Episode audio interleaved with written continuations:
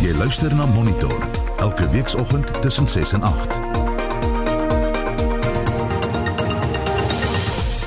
In die volgende uur plaaswerkers se salarisse kan met tot 16,1% hierdie jaar styg. Die aanvraag na gemmer neem toe. As jy kyk na jou gemmer, bevat gemmer antioksidante. So ons weet selfs met al ons groente en al ons vrugte bevat ook antioksidante en dit weer eens help om mense immuniteit ook 'n hupstoot te gee. En wat gebeur die oomblik wanneer jy sterf? Dis die veelbesproke onderwerp van surviving death waaroor Leon van hier op vanoggend in sy fliek rubriek gaan praat. Goeiemôre, welkom by Monitor. My naam is Susan Paxton. 12 minute oor 7 jy luister na Monitor. Plaaswerkers se salarisse kan met tot 16,1% hierdie jaar styg. Dit volg nadat die nasionale minimumloonkommissie die aanbeveling in November verlede jaar gemaak het. Die kommissie voer aan dat die sektor nie so hard getref is deur die pandemie nie. Georganiseerde landbou voer egter aan dat die sektor nie die verhogings nou kan implementeer nie. En ons praat met Christo van der Rede die uitvoerende direkteur van Agri SA goeiemôre Christo Môre Susan en môre aan al die luisteraars. Het julle met die owerhede in gesprek getree oor die voorgestelde loonverhogings? Susan, ons het 'n volledige verslag aan die departement van arbeid uh, ingedien. Dit was in Desember verlede jaar waar ons die implikasies van hierdie 16% verhoging baie duidelik uiteensit. Ek wil dit egter beklemtoon. Ons is nie teen die verhoging nie. As jy gaan kyk na ons verslag, dan praat ons van 'n uh, eh, verhoging van min of meer 5%. Dit is die huidige 3.4% inflasie en dan 'n 1.5% bo daai uh, inflasiekoers van uh, 2021. Maar 16% is onbekostigbaar vir die uh, sektor op hierdie stadium en uh, wat ons baie duidelik maak is dat uh, dit gaan tot groter werksverliese lei wat ons op hierdie oomblik as 'n land nie kan bekostig nie. Waar kom hierdie kommissie aan die 16,1%? Onthou nou dat eh uh, toe die nasionale minimumloonkommissie 'n aanbeveling gemaak het dat daar 'n minimumloon in werking moet stel. Toe was dit van die begin al baie duidelik dat uh, dit tot groot werksverliese veral onder plaaswerkers en onder huiswerkers sou lei. Daarom het die kommissie dan op daai stadium besluit om 'n laer persentasie of 'n laer minimumloon vir uh, die plaaswerkers en vir huiswerkers uh, aan die gang te kry. Uh hierdie jaar het of verlede jaar het die uh, meerderheid van die kommissielede egter aanbeveel dat dit moet nou gelykgestel word met die nasionale minimumloon en daarom hierdie skielike verhoging uh, jy weet uh, na 16%. Maar uh, ons sê uh, uh, dit is nie moontlik nie, dit gaan tot groot werksverliese lei en dit moet eerder ingefaseer word oor 'n periode van 3 jaar sodat daai uh, gelyke vlak dan bereik kan word. Stem jy saam dat die impak van die pandemie nie so groot op landbou was as byvoorbeeld ander sektore nie soos wat die kommissie gesê het nie? Dis die uitdaging ehm um, uh, Susan dat daai veralgemening uh, word gedryf deur 'n persepsie dat landbou verlede jaar een van die uitskieters was uh jy weet in terme van ekonomiese groei. Maar mens moet analities daarna gaan kyk. Onthou nou dat uh, die landbousektor bestaan uit verskillende sektore uh of subsektore. Daar's die uh wynbedryf, daar's die wolbedryf, tabakbedryf, uh die vrugtebedryf, die groentebedryf. Nou verlede jaar was die wynbedryf bedryf uh, vers, verskriklik as gelei as gevolg van die inperking. En hierdie inperking is weer ingestel in Desember maand so die wynbedryf sit met 'n geweldige krisis. En onthou die tafeldryf uh, of die wynbedryf neem baie baie mense in diens veral seisonale werkers. Maar met hierdie geweldige krisis voorhande uh, is daar is daai moontlikheid baie skraal Uh, ek wil nie eens praat van die tabakbedryf nie as ook die wolbedryf wat op 'n stadium nie hulle wol kon uitvoer nie. Ja, daar was sekere sektore soos die sitrusbedryf en die vrugtebedryf en die tafeldrywerbedryf wat baie goed gedoen het. Maar dit is van die enkele sektore wat uh die die uh volle impak van hierdie ehm um, uh pandemie uh kon kon al uh, vermy maar ons moet baie versigtig wees om die hele sektor onder een kam te skeer. Ek wil dit ook verder beklemtoon dat uh die graanbedryf, dit is nou mielies as ook 'n uh, garsbedryf. Ek wil nie eens praat van die vrugte vrugtebedryf Ehm um, uh, ek het steeds melde gemaak van die wynbedryf, maar dit is almal sektore wat geïntegreer is met die alkoholbedryf. En boere veral in die graanbedryf sit nou met hulle hande in hulle hare. Uh, so om nou al die sektore, subsektore te dwing om ehm um, nasionale minimumloon aan uitvoering te gee is net nie moontlik nie. Dit gaan lei tot groter werksverliese, groter mekanisering en aan die einde van die dag ehm um, jy weet is dit die arm armstes van die armstes wat gewoonlik 'n geleentheid kry in die landboubedryf wat daaronder gaan lê. Ek wil nou vir jou vra as die loonverhogings deurgevoer word, wat sal die impak wees? Die impak uh, onthou nou uh, en ek wil dit dit is ook belangrik om te nou dat baie boere wat dit kan bekostig, betaal baie meer as net 'n minimumloon. Uh en baie plaas eienaars voorsien addisioneel tot die salaris wat hulle betaal, voorsien hulle behuising, gratis water, gratis elektrisiteit, gratis vervoer. As jy daai hele pakkie bymekaar sit, dan is dit baie meer as die minimumloon wat op hierdie stadium betaal word.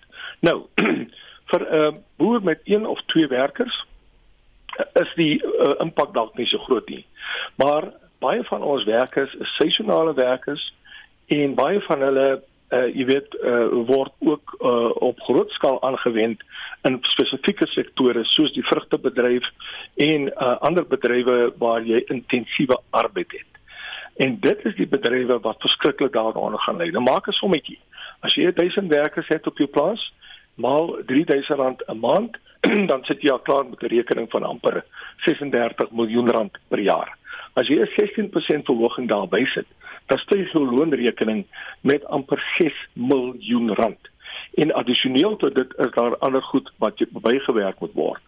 En uh gegee die hoë insetkostes, uh dieselkostes, die stygings in allerlei ander kostes, uh gaan die boere besluit bekem uh, kan nie meer werkers bekostig omdat jy moet weer meer werkers afdank.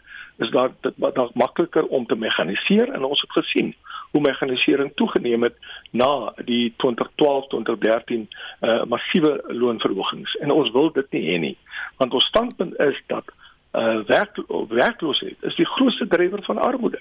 En hoe meer mense in armoede verval hoe groter raak jou sosio-maatskaplike uitdagings in die land. En uh, dit kan ons nie op hierdie stadium bekostig nie. Baie dankie. Dit was die uitvoerende direkteur van Agri SA, Christo van der Rede. Ons bly by die kwessie en praat met die hoofbestuurder van TLE SA, Benny van Sail. Goeiemôre Benny. Goeiemôre Susan. Het julle met die owerhede in gesprek getree oor die voorgestelde loonverhoging?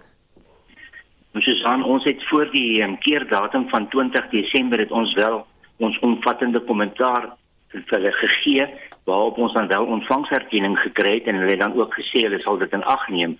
Maar die dilemma is ons wag nou almal vir wanneer dit in die staatskoerant aangekondig gaan word indien wel.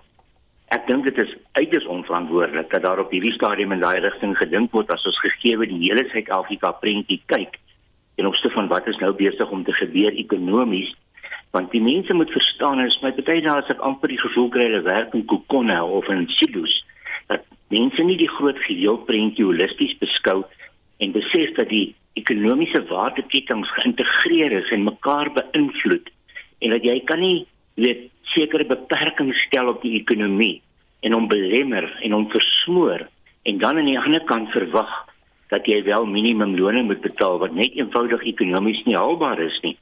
Ons het by die 3 miljoen werksverliese net as gevolg van die inperking maatreëls wat tydens COVID-19 daar gestel was, het ons verloor en ons het van die hele spektrum, dis nou nie net landbou nie in Suid-Afrika. En as ons na hierdie soort van goed kyk, dan begin jy kyk na die realiteit van werkloosheid wat onmiddellik armoede veroorsaak, maar ook 'n groter impak het op misdaad. So ons het baie groot kommer die wyse van hoe daar op die oomblik gekyk word na die realiteit van om Suid-Afrika se ekonomie weer gedraai te kry dat ons na ekonomiese groei toe gaan. 'n verantwoordelike regering sal nou seker maak dat hy die produksiefaktore so maklik en so beskikbaar maak as moontlik vir enige entrepreneur in alle opsigte veral vir ons by landbou ook. Ek praat nou aan die breë prentjie want ons moet hierdie goed holisties kyk. Dit gaan daaroor dat Suid-Afrika se ekonomie moet groei. Dit gebeur nie nou nie. Ja. Benny of daar nou 'n pandemie heers of nie sou 'n 16% verhoging op een slag in elk geval uh, weet kon geïmplementeer word dit is eintlik net nie haalbaar nie. Jy weet ons het nou deur 'n tydperk gegaan en ons moet besef landbou is ontsettend fluktueerbaar en elke um, bedryfsvertakking het jy op jou eie uniekheid. Ons het nou weer 'n baie goeie reenseisoen, maar hierdie reën het nou weer gemaak dat mense as gevolg daarvan probleme het. Dus in die droëbone, verspoelings, mense se oeste is weggespoel. Die kapasiteit wat landbou oor beskik om so 16.1% verhoging te kan absorbeer, bestaan net nie. En dit gaan noodwendig daartoe lei dat daar afleggings gaan kom. Boere gaan bedryfskeuses moet uitoefen om te sê ek kan nie meer hierdie arbeidsintensiewe vertakking absorbeer nie want my landstaat laat dit nie toe nie. Dis baie daar nie 'n geval van of jy wil nie, dit gaan oor of jy kan. En daarom sal ons weer begin sien mekanisasie gaan sy kop optel. Jy gaan groter afleggings hê. Dit is alles 'n onding ten opsigte van die groter prentjie. En dan, uh, jy weet, wat voorspel jy gaan gebeur as die aanbeveling afgedwing word op boere? Ek gaan noodwendig aflegging sien. Boere sal moet eenvoudig hulle besluit geneem, hulle sal by hulle lesenaars gaan sit en 'n finansiële ontleding maak van wat kan ek en wat kan ek nie. En dit is by einde van die dag belangrik dat mense moet besef elke besigheid soos 'n boerdery maar ook een is, moet kyk na die onderste lyn van sy balansstaat geen besigheid kan op een slag so op weet ongelooflike groot um, verhoging in sy uitgawekant net absorbeer gegee ook die feit dat ons as landbouprysnemers is. Jy het nie waarborge ten opsigte van wat kan ek bysit by my produk ten opsigte van 'n winsmarge nie. En daarom maak dit baie gekompliseerd vir landbou om net te sê nee dis reg dit moet maar gedoen word. Natuurlik wil ons graag hê almal in Suid-Afrika moet voldoende geld hê. Ons gaan so baie sosio-maatskaplike probleme oplos maar dit kan nie op hierdie wyse geskied word nie nie gegee word die toestand waarin Suid-Afrika se ekonomie voor COVID-19 al in rommelstatus ingevat was en daarna die groot probleme eintlik gekom. Hm. So julle is nie teen loonverhogings nie. Nee, ek dink ons moet toelaat op hierdie stadium dat die markomgewing die loone moet rig. Ons moet dat 'n arbeider kan gaan beding vir 'n loon. Dit is beter dat 'n arbeider eerder sê 100 rand 'n dag kry in plaas van nou afhanklik gaan raak van 'n R40 sosiale toelaag van die regering. Die mark moet hierdie prosesse rig, gegee ons huidige toestand in Suid-Afrika. Dit sal die beste wees.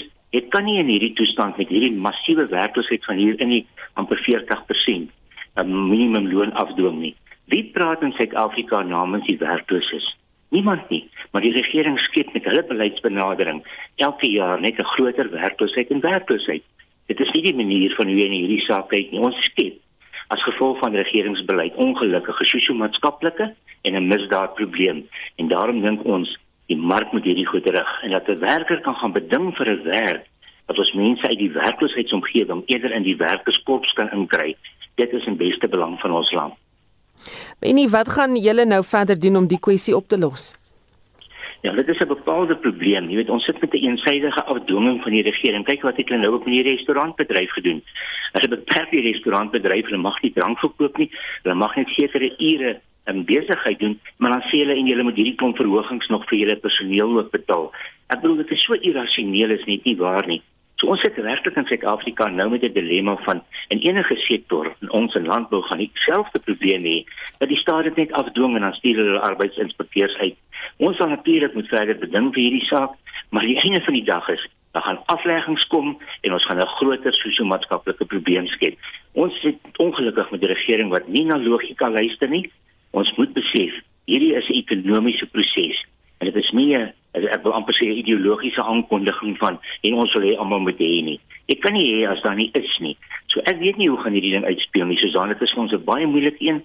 Ons sal uit die aard van die saak dit nie dan los nie. Ons sal aanhou beding, aanhou gaan kyk en hoe mate kan ons rasionaliteit tafel toe bring dat ons op die einde van die dag seker maak ons laat Suid-Afrika se ekonomie en ook die landbouekonomie leef in belang van almal.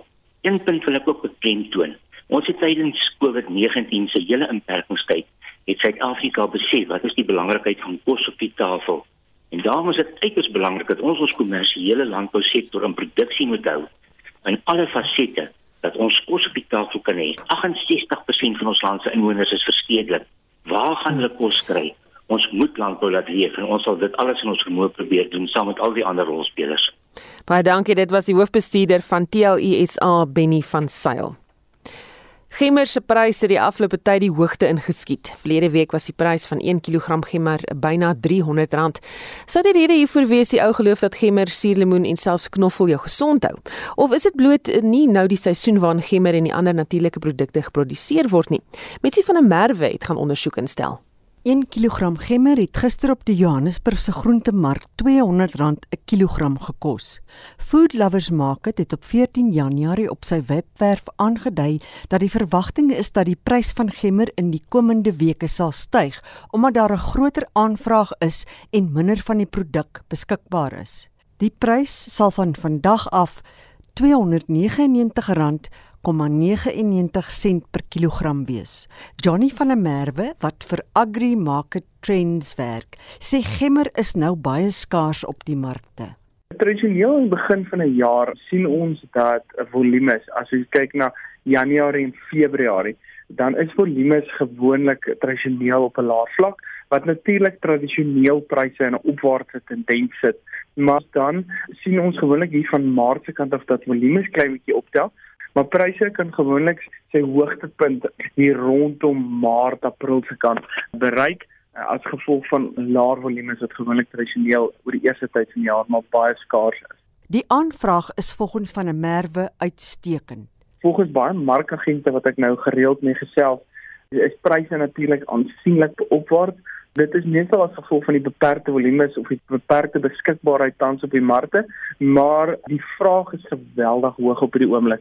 En is hulle van die mening dat die COVID-19 uitbraak veroorsaak het dat sekere kommoditeite op die vasdrukte markte baie beter gedoen het. Die ander produkte wat goed verkoop is suurlemoene en knoffel. Ons het gesien dat hierdie pryse op 'n baie hoër vlak verhandel gedurende die uitbraak wat ons gehad het meestal as gevolg van hoër vraag. En ons het gesien ook dat pineappels baie hoër verhandel, maar dit was maar meestal as gevolg van die alkohol inperking wat ons gehad het en mense wat nou maar dit vir dit gebruik ook. En ons het ook gesien dat die prys van dit ook so klein bietjie opgetel het nou toe ons die uh, alkohol inperking ook uh, gehad het. As ons na knoffel kyk, sien ons dat pryse nou ook gedurende die eerste 5 of wat maande van die jaar neig hy maar sterk opwaarts. Dit is maar as gevolg van seisonaliteit en volumes wat alles skaars en skaarser raak soos ons na die middel van die jaar te beweeg. Van Junie, Julie maand af begin die eerste volumes natuurlik in die markte inkom en ons sien gewoonlik tradisioneel dat pryse dan op 'n afwaartse tendens is. So ons behoort nou te verwag dat knoffelpryse ook redelik sal styg soos ons na die middel van die jaar te beweeg. Die dieetkundige van Eatwell Dietitians in Pretoria, Lenet Erasmus, sê 'n gebalanseerde dieet is 'n goeie begin om gesond te bly. As jy kyk na jou gemmer, bevat gemmer antioksidante. Ons weet selfs met al ons groente en al ons vrugte bevat ook antioksidante en dit weer eens help om mense immuniteit ook 'n hupstoot te gee. So ek wil definitief sê daai twee met knoffel ja as ek nou reg kan onthou, het dit maar ook 'n bietjie antioksidante. Daar's nooit noodwendig reeds studies gedoen daaroor nie, so mense kan nou nie sê yes, dit is 100% so nie, maar as mens tog kyk na die klein komponente wat dit wel bevat, is dit tog dan nou tot 'n mate voordelig, kan dit jou help. Hoe lyk 'n gebalanseerde dieet? Al die kossoorte werk saam. So ek voel nooit mense met een kos heeltemal kossoort uitskakel nie. So alles in 'n balans. Definitief meer groente, meer vrugte as dit vars kan wees natuurlik altyd beter nie gepreserveer nie.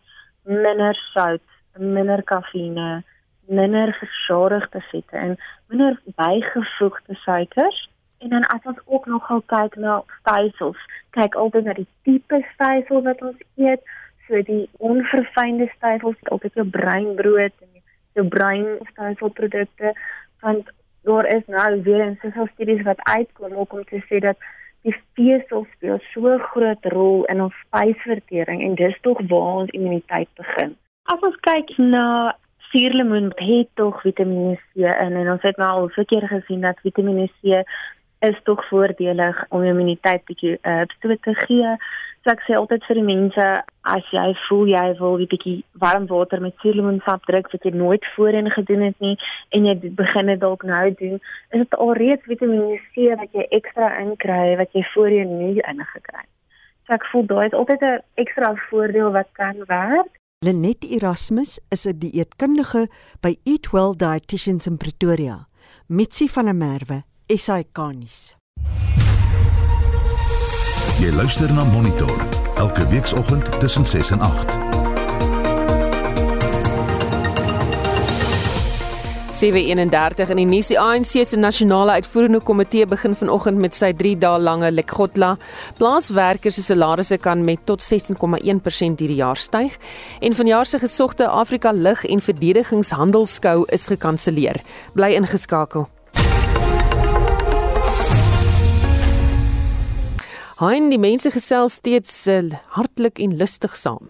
Omtrent nadat jy nou juist daai pryse genoem het, uh, Susan uh, in, in in in die verslag van Mitchie van der Merwe ook dat gemmer verlede week byna 300 kg 300 rand per kilogram gekos het en gister op 200 rand per kilogram gestaan het. Oom Bani laat weet ja knoffel wel nou nie oor gemmer maar knoffel knoffel is nou so duur soos Kaap chops per kilogram. maar dit is meer gesond met 'n lepel cod liver oil maandeliks sê hy en dan swartlander wat laat weet by 'n uh, bekende supermark in Mamasbury kos 1 kg gemmer glo dalk het jy 'n tik fout gemaak 4565 rand ja, per kilogram. Ja, sien dit. Ek wonder of dit nie dalk 400 is nie, maar as dit 4000 dalk dalk dit ja, dalk dit gemmer met Swartlander vir ons laat weet. En dan sien nog vras in Port Elizabeth, uh heuning definitief teen 'n seer bors en aanhoudende hoes. Ek het dit self ervaar tydens erge griep. Iemand anders sê hulle drink elke oggend 'n mespunt body en is daarom baie gesond. George en Elsa laat weet dat hulle maak hulle eie kefir. Ek weet nie of dit is hoe mense dit uitspreek nie. K E F I R. Ja, kefir. Dis so 'n uh, tipe van 'n uh, amper soos 'n jogurt. Ek het gesien ja, ja, als, ja, ja, wat jy mm. maak met melk of bokmelk of water of klapperwater self um, en jy's reg dat dit amper soos jogurt is. Dan sê Chris van die Weskus, die ouens wat so teen die woord boererate is, boereraad kom al baie jare aan en die koei in die sand, reken hy, ken dit bolle wat uit uh, Suid-Afrika se grond kom soos eie knoffel en dan gemmer was ingevoer deur die kolonialiste waarteen die koei ouens dan nou so sou uitvaar dis naamlik Frans van Namakoland en Ralph Kenneth daar in die Kaap uit verskeie suiwer krye poeiers span saam en gee uitstekende verligting van vele kwale en skete en dit bou weerstand op en versterk die immuunstelsel sê hierdie luisteraar vir meer as 100 jaar is dit in private gebruik en nou beskikbaar vir ieder en elk van die winkelrakke af. En dan 'n SMS uit Bellaar uit. Die sê gemmer en seelemens se pryse wat so styg of na aanleiding daarvan in tye van verdrukking. Dit is Mammon se diensknegte in vol vloed besig met hulle parasitiese uitbuitingsmark. Gesels saam op Facebook Monitor Spectrum se blad of jy stuur vir ons 'n SMS na 45889 en dan sal um, ons redakteur vanoggend Jean Estreisen hopelik voor 8 weer vir my tyd gee om terugvoer te deel met julle. Anders gooi ons hom met 'n knoffelhuisie. Ehm um, intussen eh, sê iemand, "Aris, onthou net gemmer word gebruik vir huisbier asook pineappelbier." Groete sê die persoon, "Miskien jaag dit die prys op." So 'n lekker gesprek wat ons vanoggend het oor dit. Intussen 'n uh, tyd vir wêreldnuus. Die Amerikaanse president Joe Biden het 'n reeks uitvoerende bevele onderteken om die land se stryd teen COVID-19 te bevorder. Winsima Fokeng het die jongste wêreldnuus gebeure vir ons. Dopgehou, goeiemôre Vincent. Môre Susan, uh Biden het 10 uitvoerende bevele aangekondig. Nou Biden se hoofmediese adviseur, Dr Anthony Fauci, sê dat die Biden regering die enstofprogram wat reeds in werking is, versterk. Hy sê as 70 tot 85% van die bevolking teen die einde van die somer ingeënt word, sal daar teen herfs 'n mate van normaliteit wees. Dr Fauci sê ook dat die FSA van plan is om by die COVAX-program aan te sluit. President Biden sê Amerikaners moet saam staan om die virus te oorleef. Let me be very clear. Things are going to continue to get worse before they get better. The memorial we uh, we held uh, two nights ago will not be our last one, unfortunately. The death toll will likely top 500,000 next month. The cases will continue to mount. We didn't get into this mess overnight. It's going to take months for us to turn things around. Dit was die Amerikaanse president Joe Biden. Intussen sê kenners dat die Amerikaanse inentingsprogram bespoedig moet word. Dr Louise Ivers sê die is die tussentydse hoof van aansteeklike siektes by die Massachusetts Hospitaal. Nou sy sê die nuwe Amerikaanse regering moet die inentings versnel. Certainly one of the most important things is to really, really speed up vaccination at home. And I think really important to step up and be part of a global solidarity about making sure that there's access to vaccines for the global community and not just at home here in the US. I think a lot of the challenge with vaccine delivery here in the US has been that states were just left to do their own infrastructure, and a lot of public health infrastructure here just doesn't exist. We don't have a really a national public health system, and so that's created a lot of bureaucracy and reinventing the wheel. Dit is stem daarvan Dr Louise Ivers van die Massachusetts Hospitaal. In Indië was daar 'n brand by 'n perseel van die wêreld se grootste enstofvervaardiger. Susan, die brand het die brand het gistermiddag by 'n gebou um, begin wat on, nog onder konstruksie is, dit by die Serum Instituut van Indië in Pune. Vyf mense is daar dood. Die bestuurshoof van die Serum Instituut, Adar Poonawala, sê dat daar geen impak op die produksie van die enstof sal wees nie. 70% of the world's vaccine capacity is from India. So naturally, India is going to play uh, a major role. And I've made it clear that India will get 50% of everything I make, and the rest we have to give it to the other countries. I think in about two and a half to three months, there will be vaccines licensed. Will they be the best vaccines? I don't know. Because, you know, it takes three to five years normally to make a vaccine, and we're all rushing it. Die oorsaak van die brand is geïdentifiseer nie. En dit was Vincent Mofokeng met 'n oorsig oor vandag se wêreldnuus. Dis nou 7:39. Dit is Karibeker halfeind naweek en ons praat nou met Pieter van der Berg oor die naweek se sport. Goeiemôre Pieter. Goeiemôre Susan. 'n Mens kan die opgewondenheid voel vir môre se Karibeker halfeindstryde wat voorlê. Jy's een van die kommentators môre. Gee vir ons 'n oorsig. Ja, daar's natuurlik net vier spanne oor vir hierdie halfeind van die kompetisie en na môre sal daar net twee wees. Met ander woorde, dis 'n moedwen situasie vir die spanne, anders is jou doppie geklink. Nou die eindstryd word aanstaande Saterdag tussen môre se twee wenspanne dan gespeel, maar kom ons loer dan na môre se twee halfeindwedstryde. Die eerste ene word om 2:00 die middag gespeel, dis die Bulle teen die Lions daar in Pretoria en uh, die man en beheer is meneer Rasta Razawenge. Er is gesaai die wedstryd regstreeks en volledig uit. Wat spannuus aanbetref vir die Lions is die kanonpoot van die heel agter Tiaan Swanepoel van groot belang. Hy kan met daardie langskop bepaal toe kan hy baie skade aanrig. En dan die twee loskakels sal die anker van beide spanne wees, Elton Jantjies vir die Lions. Dan Mornstein, hy speel in sy 100ste wedstryd vir die Bulle. Hulle sal die twee generaals wees. Die Bulle die groentjie is Travino Jacobs op linkervleuel gekies. Die span word aangevoer deur Springbok Dwayne Vermeulen. Die laaste paar jaar het sake redelik gelyk op verloop tussen die twee spanne. Die Bulle het 5 van hulle 9 wedstryde gewen.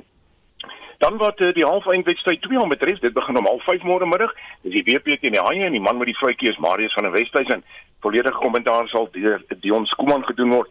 En die WP, hulle sal sonder Steven Kitshoff wees terwyl Sia Kolisi die span sal aanvoer.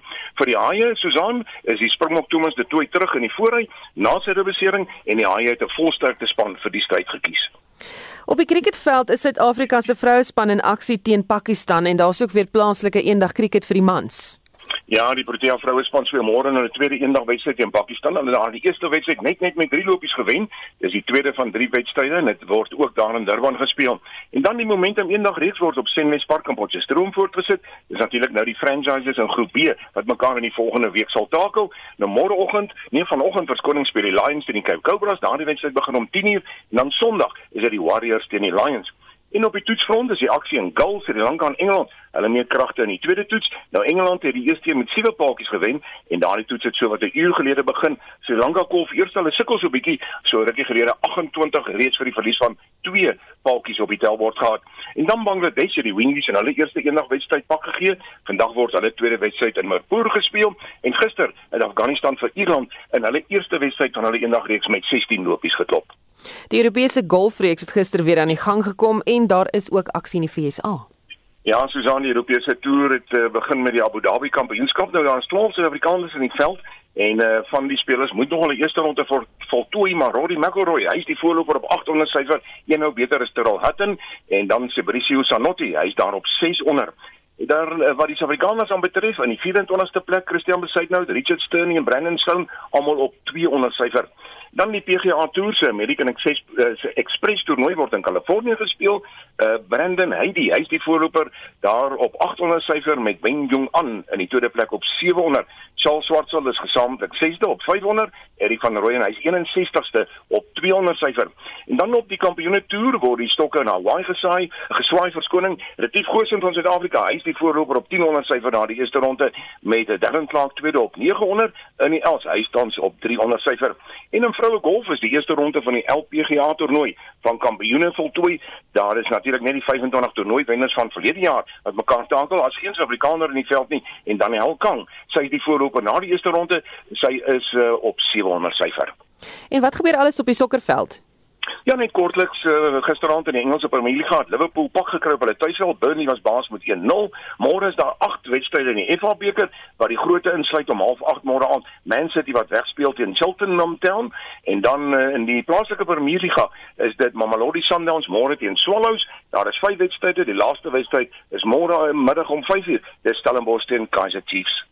Baie dankie Pieter van der Berg van RSG Sport. So 743 die voormalige LER vir gesondheid in Gauteng Dr Bandile Masuku was aangestel om die departement uh, wat deurtrek was met korrupsie en aankoop aan ongeruimthede reg te ruk maar in steede is hy deur die premier David Makuru in Oktober laas jaar afgedank. Makuru se besluit is 'n grondbevindings van die spesiale ondersoekeenheid dat Masuku in sy plig versuim het om oorsig te hou oor tenders vir die aankoop van persoonlike beskermde toerusting ter waarde van 125 miljoen rand. Masuku het die Hooggeregshof in Pretoria gevra om die bevindinge tersyde te stel en irrasioneel te laat verklaar. Lila Magnus het meer. Advokaat William Mokari het namens die voormalige LUR vir gesondheid in Gauteng, Bandile Masuku, in die Hooggeregshof in Pretoria aangevoer Die spesiale ondersoekeenheid het op hoorsê staat gemaak en nie bewyse nie toe hy bevind het Masuku het nie sy oorsigpligte nagekom nie. Our case then is twofold. First is that the SIU has gathered no evidence which backs its conclusion or findings. And secondly, it simply makes a sweeping statement that it has been told by Pino that the MEC said he wants his own people and did not even interview. Hy sê die ongunstige bevindinge maak inbreuk op Masuku se waardigheid en reputasie en dat dit tersyde gestel moet word. The findings, they stand as an albatross on his neck for the rest of his life. And if he does not set them aside, it means that he does not have any recourse anywhere. They will remain the findings against the applicant. And if the applicant does not do anything with them, they will continue to impugn his dignity and reputation. Mekaar het aan die hof gesê die aankoop van die persoonlike beskermde toerusting was nie Masuku se werk nie en daarom was hy nie presies bewus wat tydens die aankoopprosesse gebeur het nie. Hy het egter 'n ondersoek van stapel gestuur toe hy van die ongeruimthede bewus raak. Advokaat Vincent Maleka wat namens die spesiale ondersoekeenheid opgetree het, het egter aangevoer as mede-voorsitter van die Gautengse Bevelraad vir COVID-19 was Masuku aktief betrokke by die aankoop van die toerusting in Gauteng. There was, there was a clear feel of leadership on his part and there was a clear feel of accountability on his part. Would submit that there is clear evidence including annexures introduced by the applicant in his own founding affidavit, which shows knowledge of procurement relating to PPEs.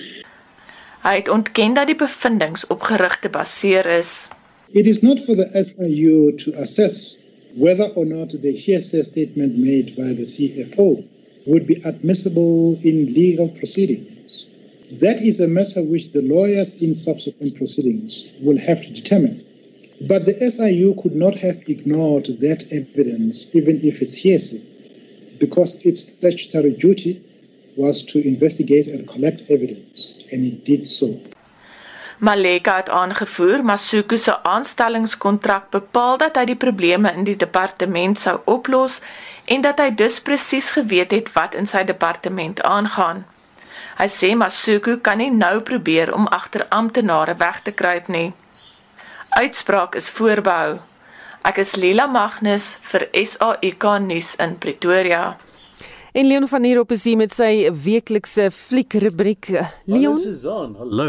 Hey, klink jy met 'n warm eh, heuningkie daar, jou stem is lank.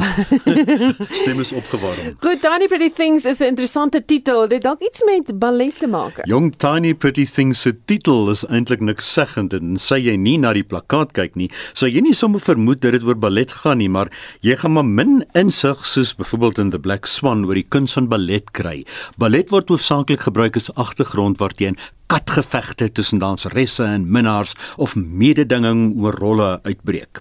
Waar al die manne spog met hul maande lange werk in die gimnasium met elke tweede toneel, mense mooier as die engeltjies op koekblikke met hul volmaakte liggame spog en danstonele, dit mag jou alles betower. Nou weet jy als van die van die reeks af. 'n Asemrowende ballerina stort oor 'n dak. Het iemand probeer om haar te vermoor, dan neem iemand anders haar plek in. Die treffende Kylie Jefferson en die binnengevegte neem dramatiese afmetings aan. Moenie dat die ballet tema jou afsit as jy dalk nie jou pas de deux van jou jeté kan onderskei nie.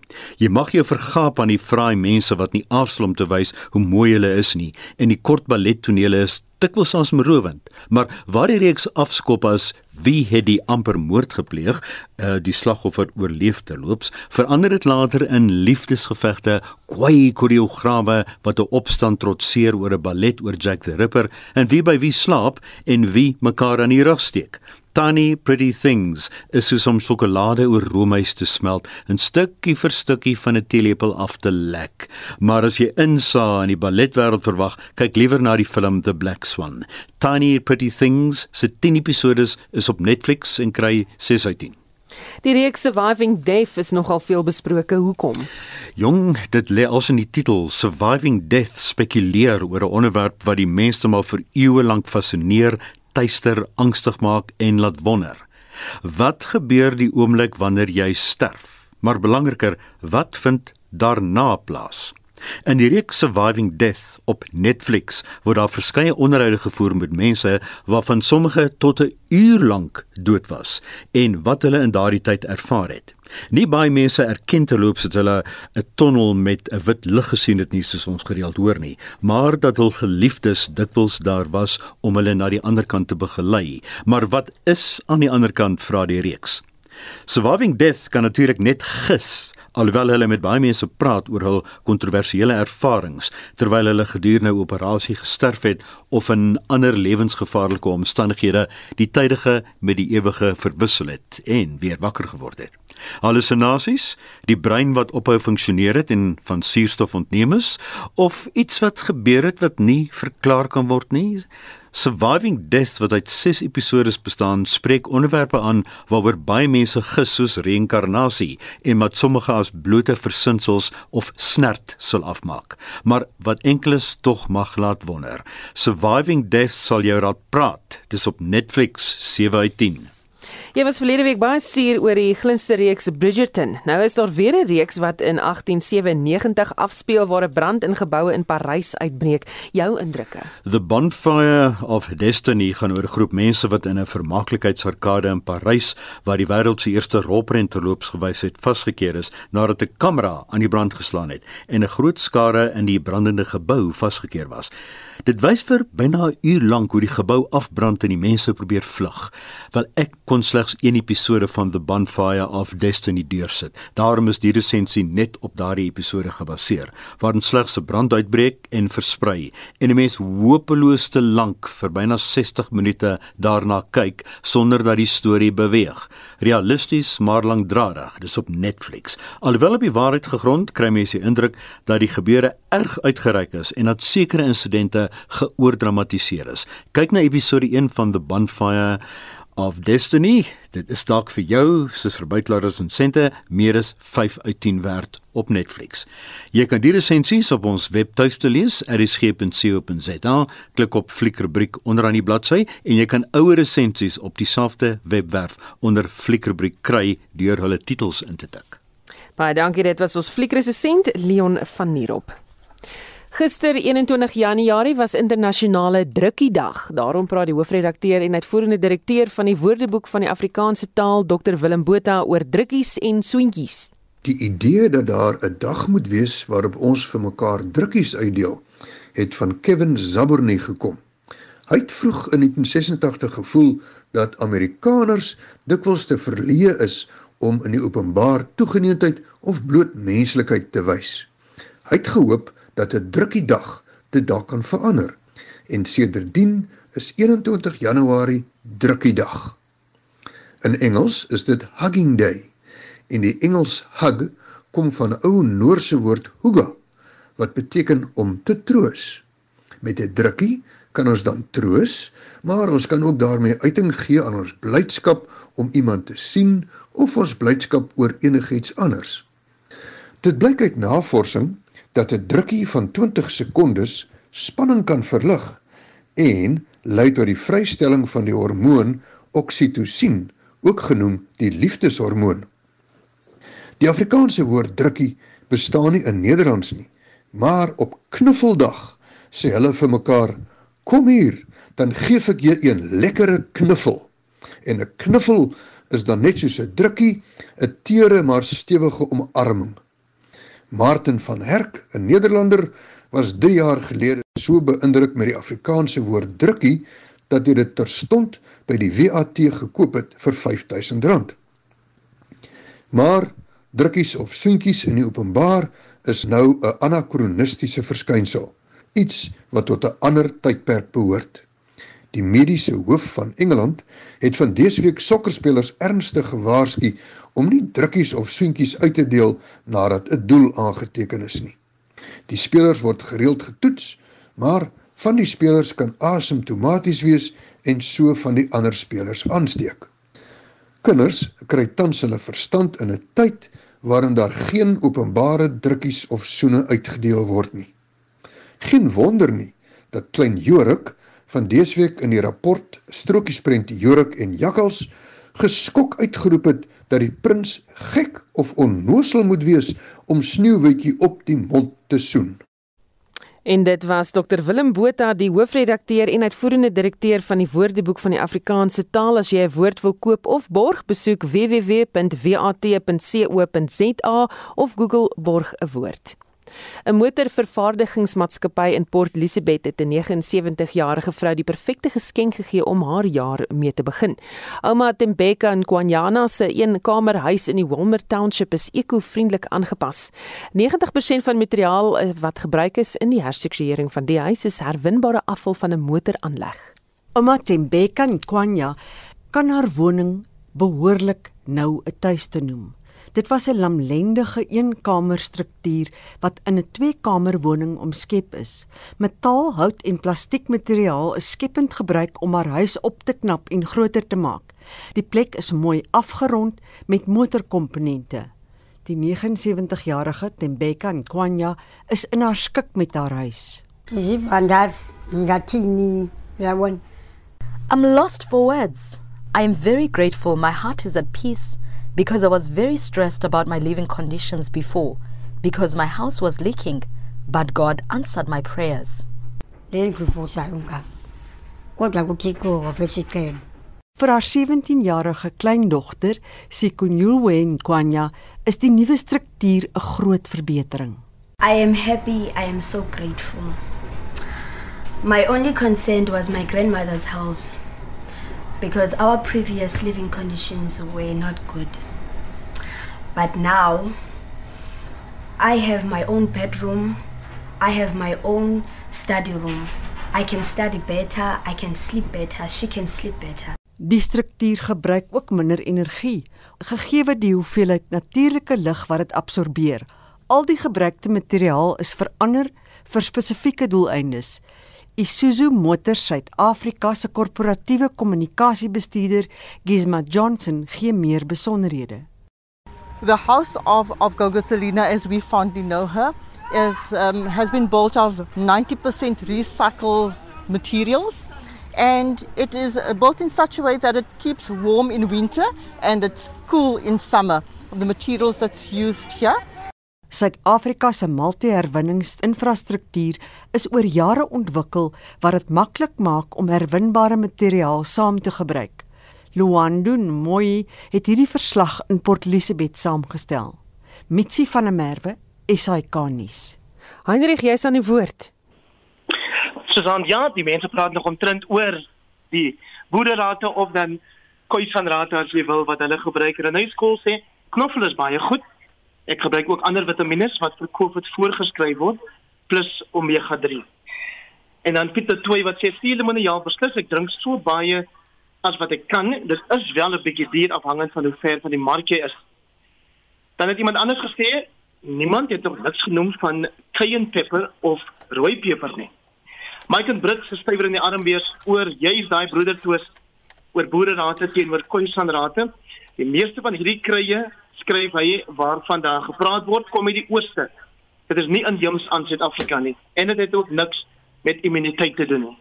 Die meeste van hulle veral gemmer en body verlig inflammasie wat deur suikers in die liggaam veroorsaak word. Pieter Melville skryf suurlemoen gemmer werk definitief vir baie kwade en moenie knoffel onderskat nie. Gesina of Gesina Steinse nooit sonder vars gemmer nie lank voor Covid. Maria Holzhausen gemmer en suurlemoentee kan jy ook 'n paar keer oorgebruik. Rita Groenewald suurlemoen gemmer heuning in swart tee is vir haar yummy. Gemmer en knoffel is skielik duurder sê hierdie luisteraar dit is glo die teenvoeter vir die virus maar die armes kan dit nie bekostig nie en hulle is tog meer vatbaar vir die virus. En dan Mariana Benson wat sê gemmer is goed vir inflammasie. Maar daai gemmer se prys klink nou soos die prys van goud. Sy sou seker ook kan sê gesondheidsgoud. Nou, is 'n goeie goeie beskrywing daarvan. Ek dink ek gaan nou gemmerplanting vir my dis 'n belegging. Dankie dat jy saamgesels het vandag. Dit was lekker om te hoor wat jy alles te sê het. Hendrik het vir ons die terugvoer gegee daar Vincent.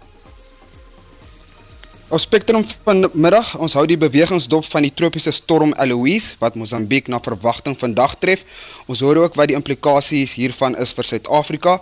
Die Reserwebank se besluit om die rentekoers onveranderd te hou, word gekritiseer en navorsers ontdek 'n nuwe byspesies in Brasilië. Skakel in op Spectrum vanmiddag. Dink baie interessant. Ons het namens ons waarnemende uitvoerende regisseur Hendrik Martin, die redakteur vanoggend Jan Estreisen en ons produksieregisseur Lewona Bekes. Ek is weer terug maandagooggend saam met Gustaf en uh, ja, geniet jou naweek. My naam is Susan Paxton.